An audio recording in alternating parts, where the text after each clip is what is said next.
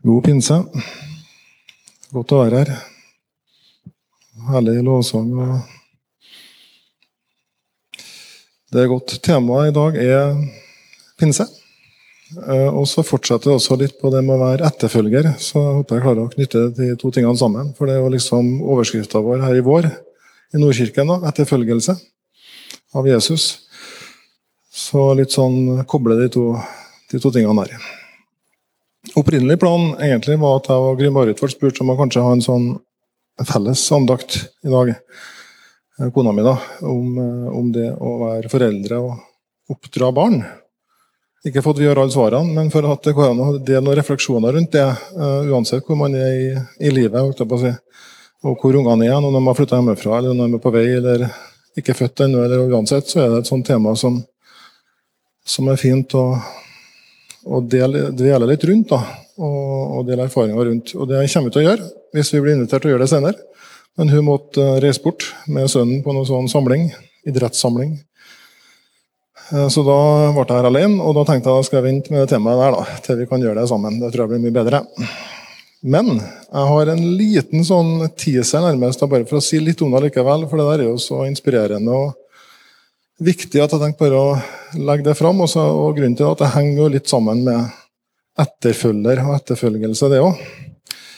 Um, uh, vi var bl.a. på Når vi begynner å sende ungene ut av huset, så begynner de, så har vi jo en, en del sånne møtepunkter, bl.a. avslutninger på skoler når de flytter til hit og dit. Og han ene, gikk, han ene sønnen vår gikk på Helgeland folkehøgskole.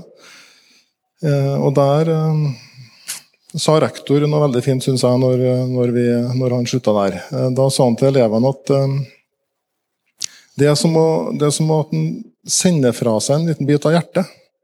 Fysisk nesten, det kjentes nesten sånn ut, sa rektor. Til disse elevene. Så at han måtte, en liten bit av hjertet hans ble med hver enkelt av disse 70 unge voksne da, som skulle videre ut i livet. Og det var jo etter bare ett år uh, som han har hatt med dem. Men i det så ligger det både en sånn smerte uh, og, et håp og et, uh, en sånn god ting. fordi smerten er jo det at man, de fær. Og det er akkurat det samme som skjer når de flytter hjemmefra. Da fær de. Og det skal de gjøre. Um, og så blir det en måte utafor vår rekkevidde. Og det var det han kjente på, han òg, han rektoren.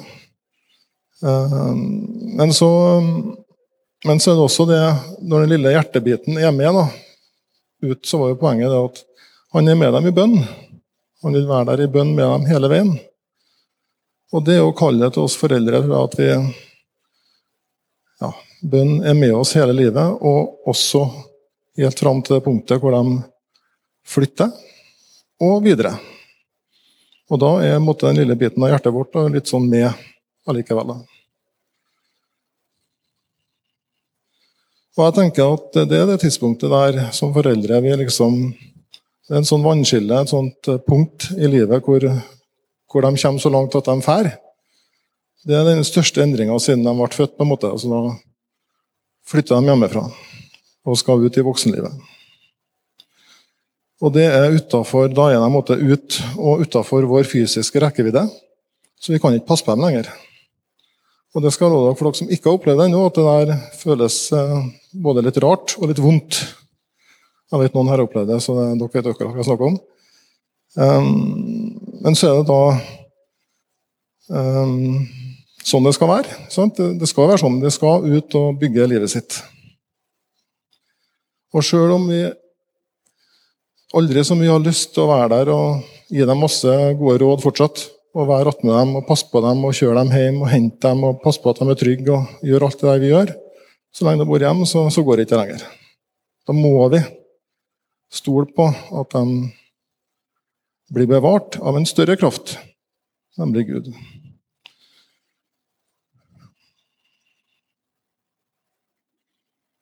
Og da tror jeg det at for meg, i hvert fall, og gjennom både når de er hjemme, og ikke minst når de er borte, så er bønn og stillhet og det å ta imot ord fra Den hellige ånd, få lov til å være i hans nærvær og be for dem og få lov til å legge det i hans hender.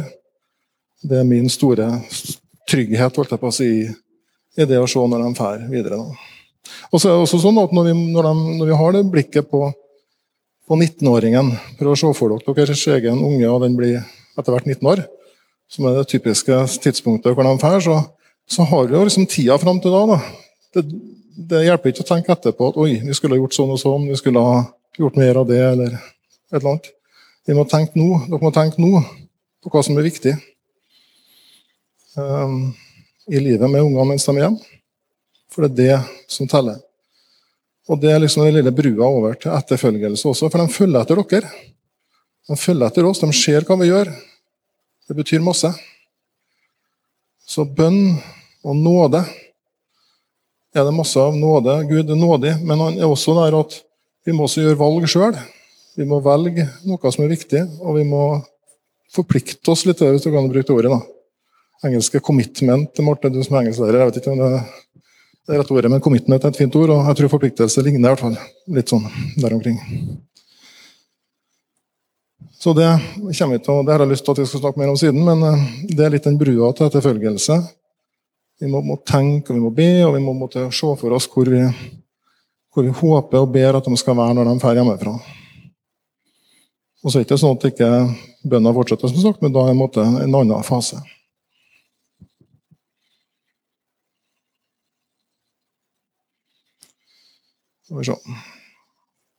Så da er det sånn at um, etterfølgelse har vært tema gjennom hele våren, som sagt.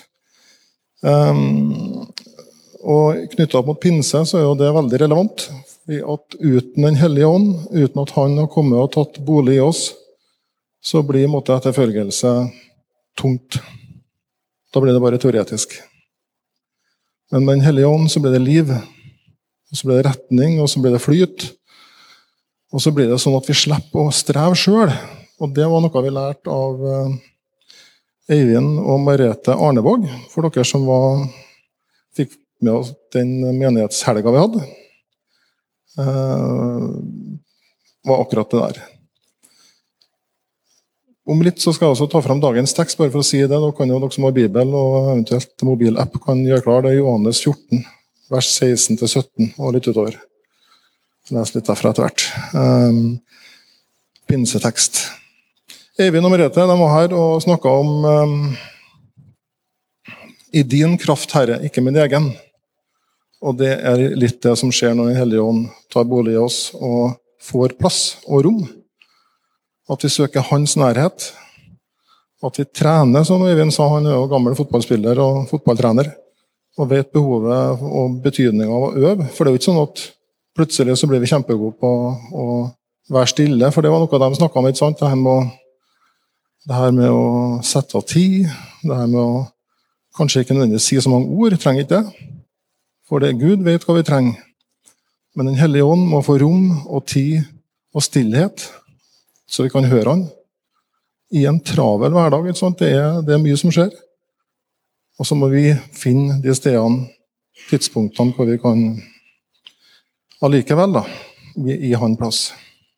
Og Det er vår oppgave. Det finnes ikke en enkel oppskrift. Kommer litt tilbake til det, men det, det, er viktig. Og Der kommer den forpliktelsen. Det må vi velge. Vi må velge det, og så kan han komme. Men Det blir ikke helt av seg sjøl. Det er masse nåde, men det er også det er på en måte nåde på den ene sida, og så er det litt den der commitmenten, valget, vi sjøl må gjøre da, for å gi rom og for å sørge for at Gud har førsteplass, ikke femteplass.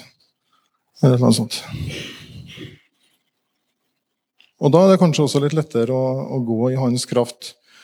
Jeg er jo sånn at jeg, Hvis jeg får noen sånne ideer om planer og strategier, og greier, så begynner jeg på, og så lager jeg store tanker, og så ber jeg etterpå kanskje litt om Gud kan jo velsigne det her. Det må jo være kjempesmart. Men det er ofte lurt å gjøre det motsatt.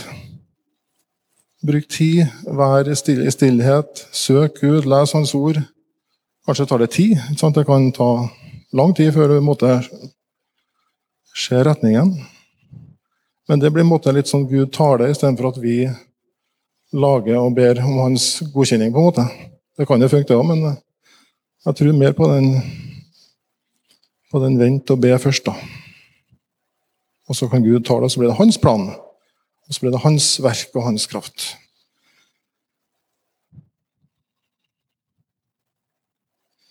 Eivind eh, Det var mye sitater fra Eivind her. Jeg skal ta med meg ett til, i hvert fall. Det, han nevnte også en artig, en veldig spennende historie, egentlig. Det er fra Wales. John Godwin heter han som eh, leder et sånt senter oppi, langt inne i Wales et. Hvor de har sett veldig mye sånn mennesker som har kommet til tro, blitt berørt, eh, helbreda, omvendt, tatt imot Jesus for eh, første gang. Og det har vært veldig mye sånn skriverier om det der. Så det har blitt kjent langt utenfor kristne kretser, også i, i Storbritannia spesielt. Og Da var det en journalist som, sant, som Øyvind fortalte om, som kom dit og spurte han John der da, hva er oppskrifta. Hva er hensikten? Hva gjør dere? Hva, liksom, hva er greia? Og så sier John 'being helpless', sånn. Og så gikk han. Vær hjelpeløs. De er hjelpeløse. Det er ikke en oppskrift. Og i det mente han jo kanskje det at Nei, vi, vi, setter oss ned, og så er vi stille, og så venter vi, og så, og så kommer Ånden og leder oss. Men da er det hans kraft. Ikke noe sånn 1, 2, 3-plan.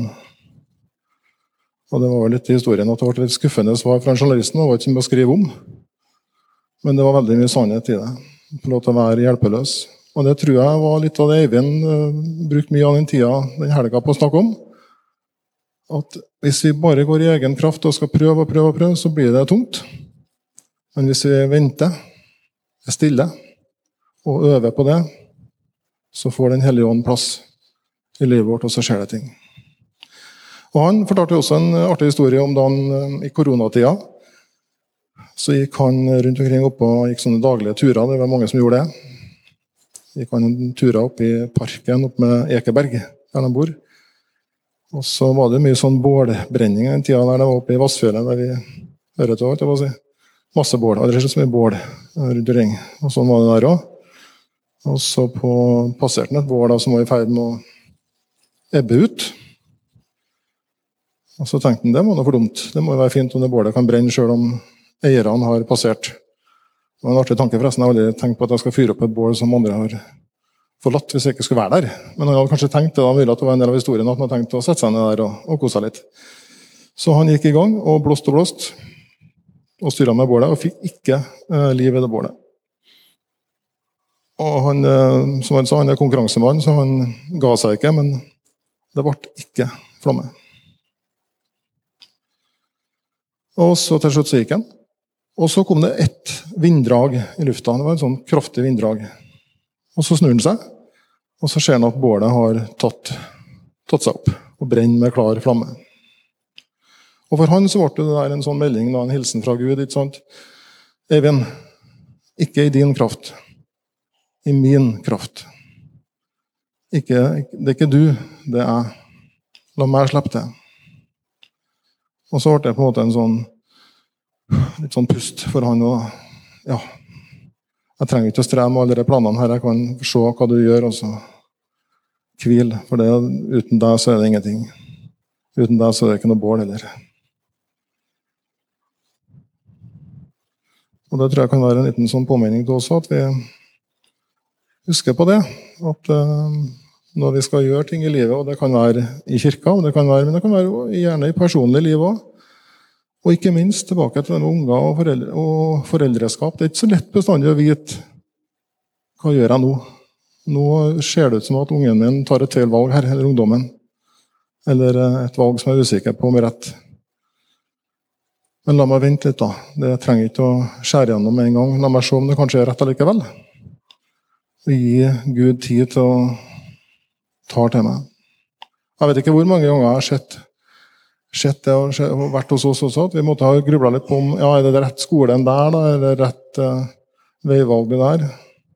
Så venter vi og hviler vi, og så ser vi at, at det kommer en beslutning som Ja, men det der var jo, var jo rett, det.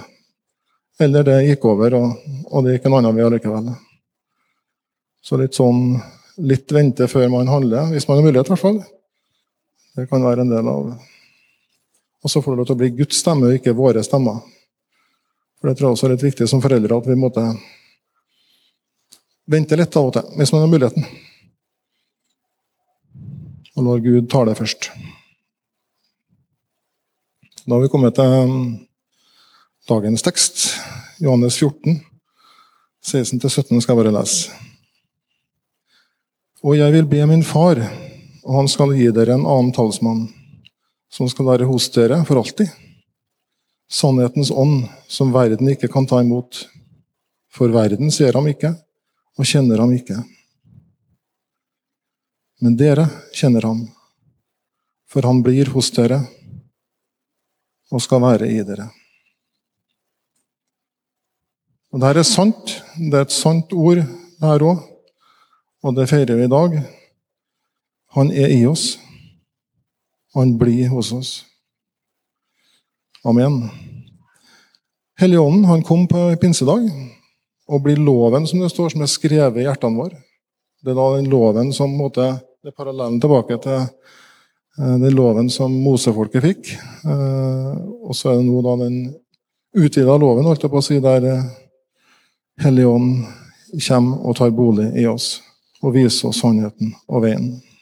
Og peker på Jesus.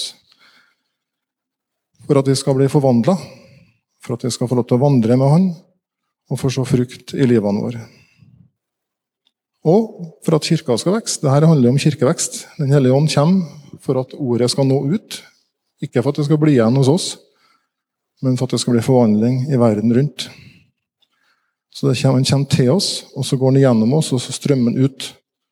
Og så vokser kirka, og så når vi nye og nye og nye. Og så flere og flere hører om Jesus og tar imot Han, og får Den hellige ånd i hjertet sitt.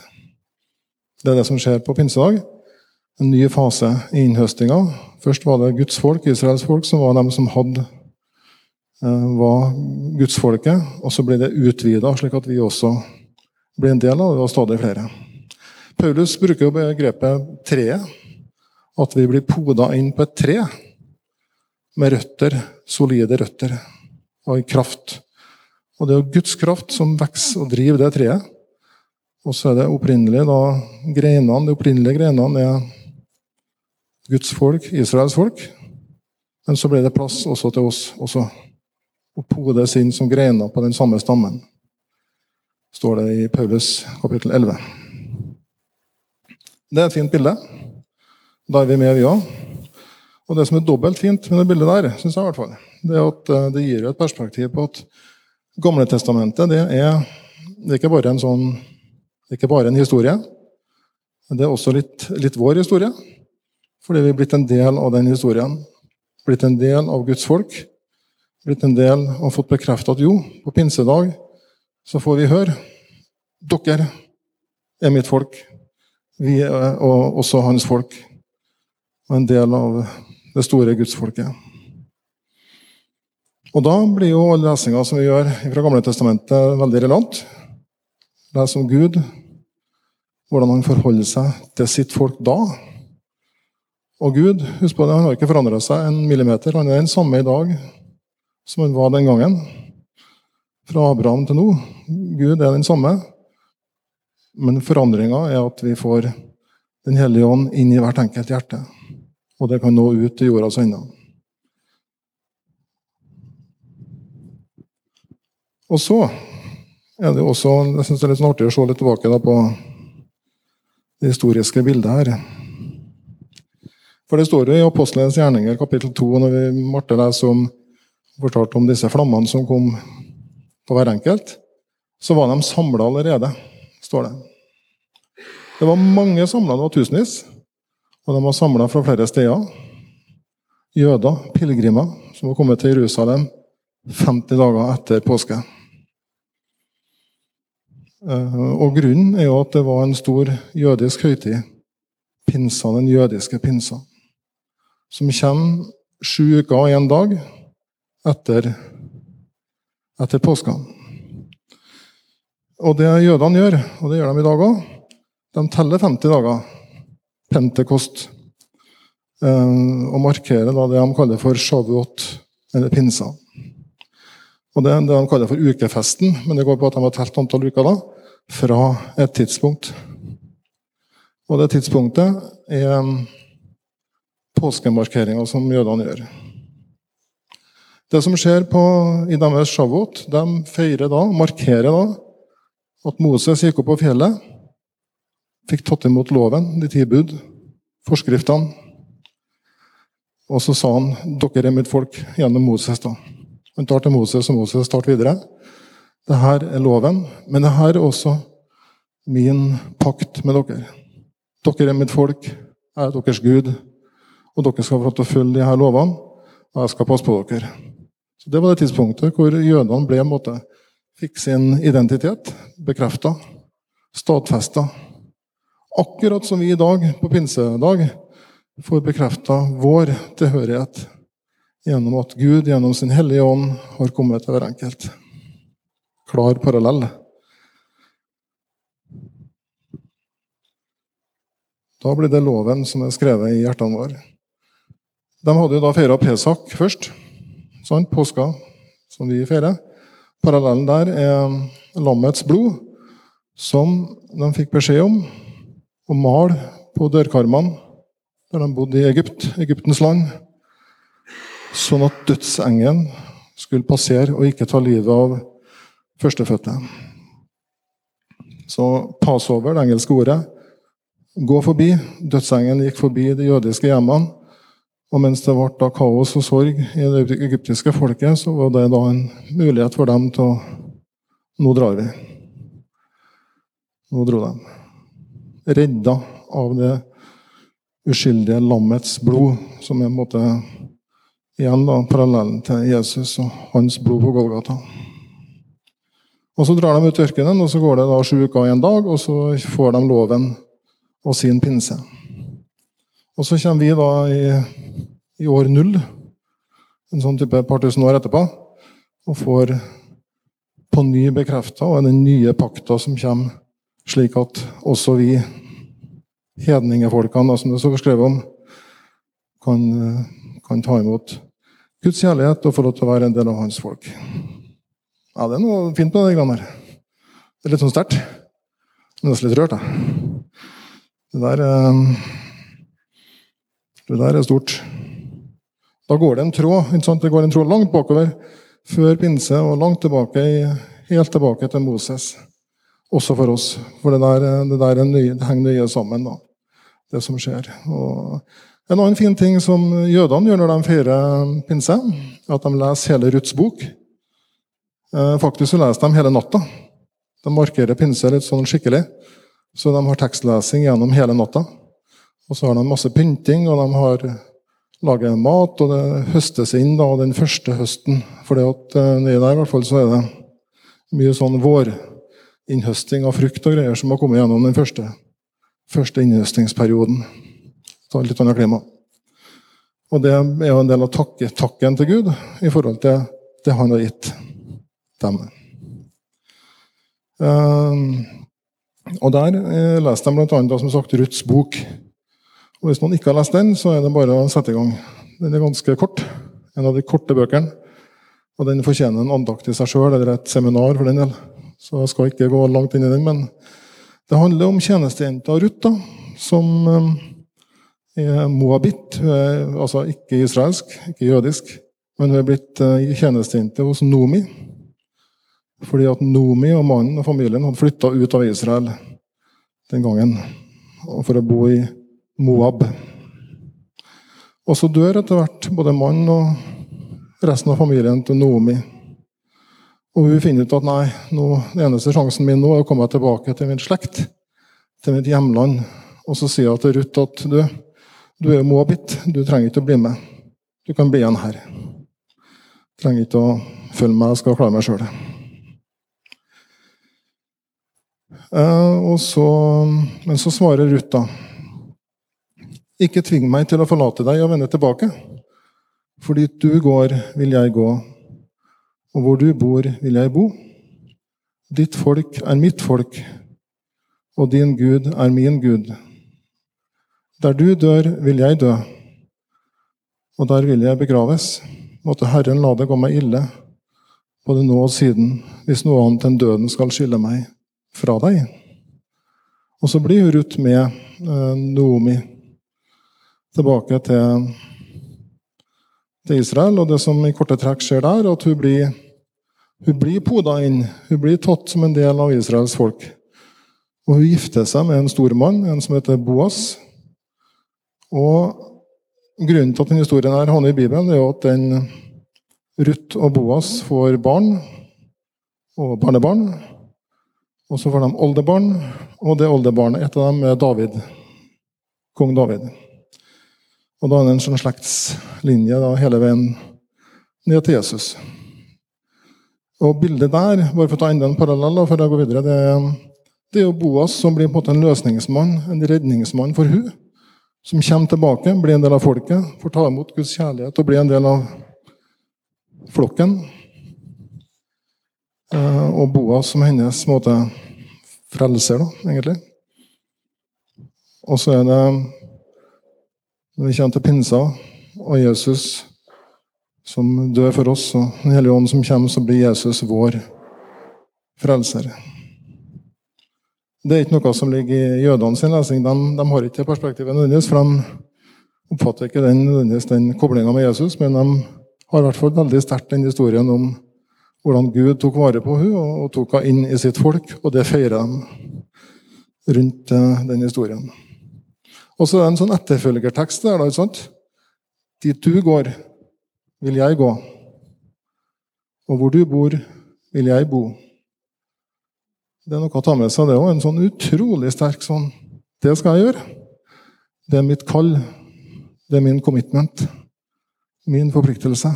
Jeg vil gjøre det. Og det, det tror jeg vi er kalt det, vi òg. Kjære Jesus, kom Hellige Ånd, jeg vil følge deg der du går. Akkurat som Ruth gjorde da hun tok den beslutninga. Jeg vil følge deg tilbake til ditt hjemland. Jeg vil følge deg, Jesus. Et forbilde i i forpliktelse og stå i det, sånn som hun gjorde. For det var ikke bare enkelt. og Det vil dere se når dere leser boka. Det var en del runder der før det, før det ble bra.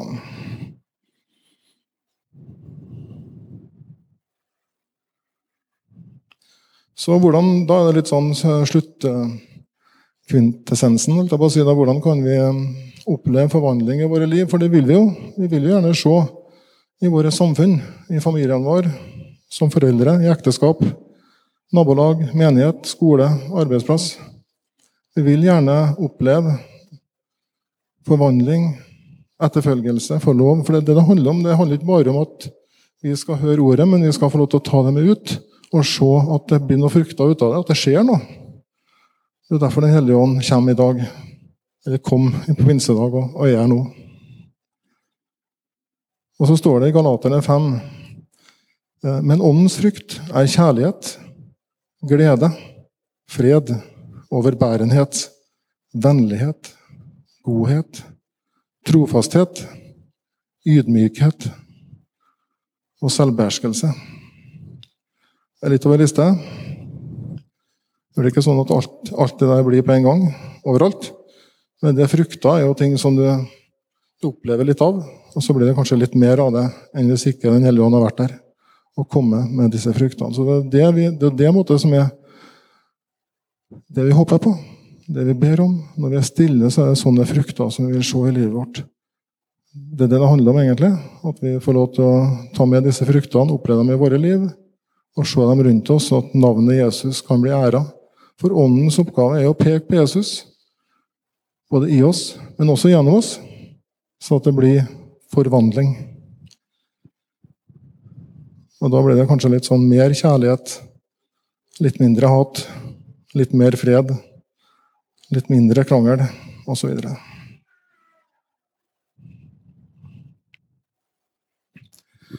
Eh, så vi trenger tid alene med Jesus.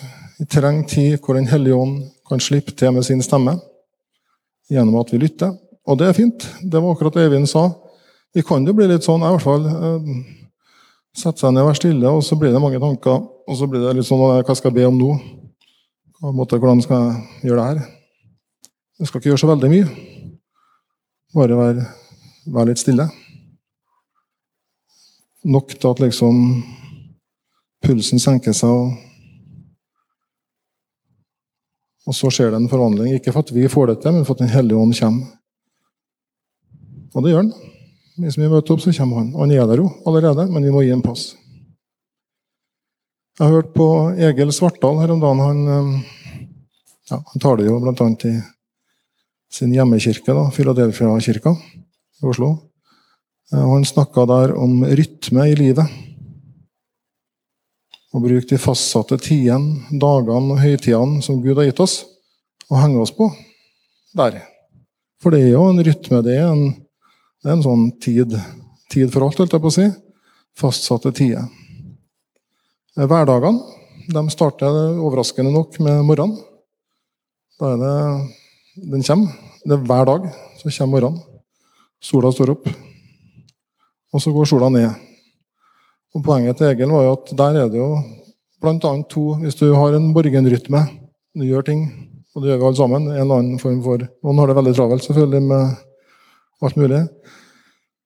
Naturlig nok. Med unger og skift og skolesekker og alt sammen. Så det, må, det, blir jo litt å finne det tidspunktet som passer, men der er det en liten sånn gavepakke. egentlig. Vi gjør faste rytmer både morgen og kveld, og så hvordan kan vi også sørge for at Gud får sin plass inni den greia der. Inni den tida, inni den kabalen. Eller midt på dagen, hvis det er bedre. Men det er en rytme i dagen. En personlig erfaring her fikk ikke orden på mitt eget bønneliv og stillhetsliv holdt jeg på å si, i småbarnsperioden. Men så kom det en sånn um, Hva var det for noe? En sånn um, liten sånn lefse, nærmest en liten et lite hefte, var det. Hefte. Et lite hefte som fulgte med Vårt Land med faste bønner, veldig sånn faste bønnetekster for morgenen, midt på dagen og kvelden. Og faste bibelvers. Så tenkte jeg det her, det her er min redning. Her, da slipper jeg å finne på ting sjøl. Og det ble det. Eller i hvert fall om det var redning, vet ikke, men i hvert fall min, min løsning da, på det problemet. Så jeg tok tak i den, og så satte jeg meg ned morgen og kveld. Og siden har jeg nå gjort det, egentlig. Da. Ikke, så, ikke alltid like spennende og givende, men for meg så har det gitt, gitt mening å ha en sånn litt sånn fast lese- og bønnerytme. Uh, og det, Hvor mye det har forvandla meg, det vet jeg ikke, men det har i hvert fall gitt meg en slags ro over at så lenge jeg møter opp, så lenge jeg stiller opp da, på det tidspunktet der, så vet jeg at Gud er der. Og da kan Han gjøre sitt verk. Min jobb er å møte opp. Jeg er vant til å møte opp, vant til å møte opp på dugnader og arrangementer og alt mulig. Og sånt, og da kan vi prøve å være ja, klare å møte opp. Så der tenkte jeg da, så For meg så var det fint å få den der lille boka. Og så ha den tanken om at uh, nå skal i hvert fall jeg gjøre min bit. Og det går nå litt på den forpliktelsen. Det at jeg tenker at her er det en commitment. Og så lenge jeg ikke skulle gjøre noe mer enn det, så var det noe jeg kunne klare. Så for meg så ble det veldig fint. Vært det siden. Så er det det andre punktet. Søndagene snakka Egil om. Hviledagen. Sabbaten. Den dagen når vi ikke skal streve. Den dagen vi ikke blir målt på hva vi får til. Den dagen vi får lov til å slippe ting og ha blikket på Gud og på hverandre. Det er også en fin rytme i det henge oss på den og passe på at vi, får, vi verner om den. da, Så at det også er en dag i den livs- og bønnerytmen som vi kan ha, som bringer oss nærmere, og som sørger for at vi har tid og er åpen og lytter til Guds stemme. Og Siste punktet hans var høytidene. Gjør noe ut av dem. Og da er det klart pinsedag i dag. Det er en flott anledning til å kanskje gjøre enda mer enn det vi vanligvis gjør ble litt inspirert ut av, av det som er eh, det pinsa består i. Da. Enten det å tenne lys, eller det å bake noen ting, eller det å gjøre, gjøre litt sånn ut av at det er kirkas bursdag, som man kaller det. Så det var gode tips fra Svartdal. Og med det tipset så tar jeg og avslutter min eh, tale i dag. Ønsker dere en veldig god pinsedag videre. Og så blir det vel lovsang, og så blir det også helt sikkert en mulighet for uh, forbønn. da. Og det vil jeg anbefale. bare sånn helt slutt. Det var også noe vi lærte på den menighetshelga, eller ble minnet om. At eh, Om det er stort eller smått, det vi har på hjertet, eller om vi bare trenger en, trenger en velsignelse. En liten sånn påminning om at oi, jeg er Guds barn. Trenger ikke å stresse. Jeg kan komme hit og få kanskje hånd på skuldra og bli bedt for at Jesus skal måtte komme nær og tar til meg ved sin ånd. Så bruk anledninga. Amen.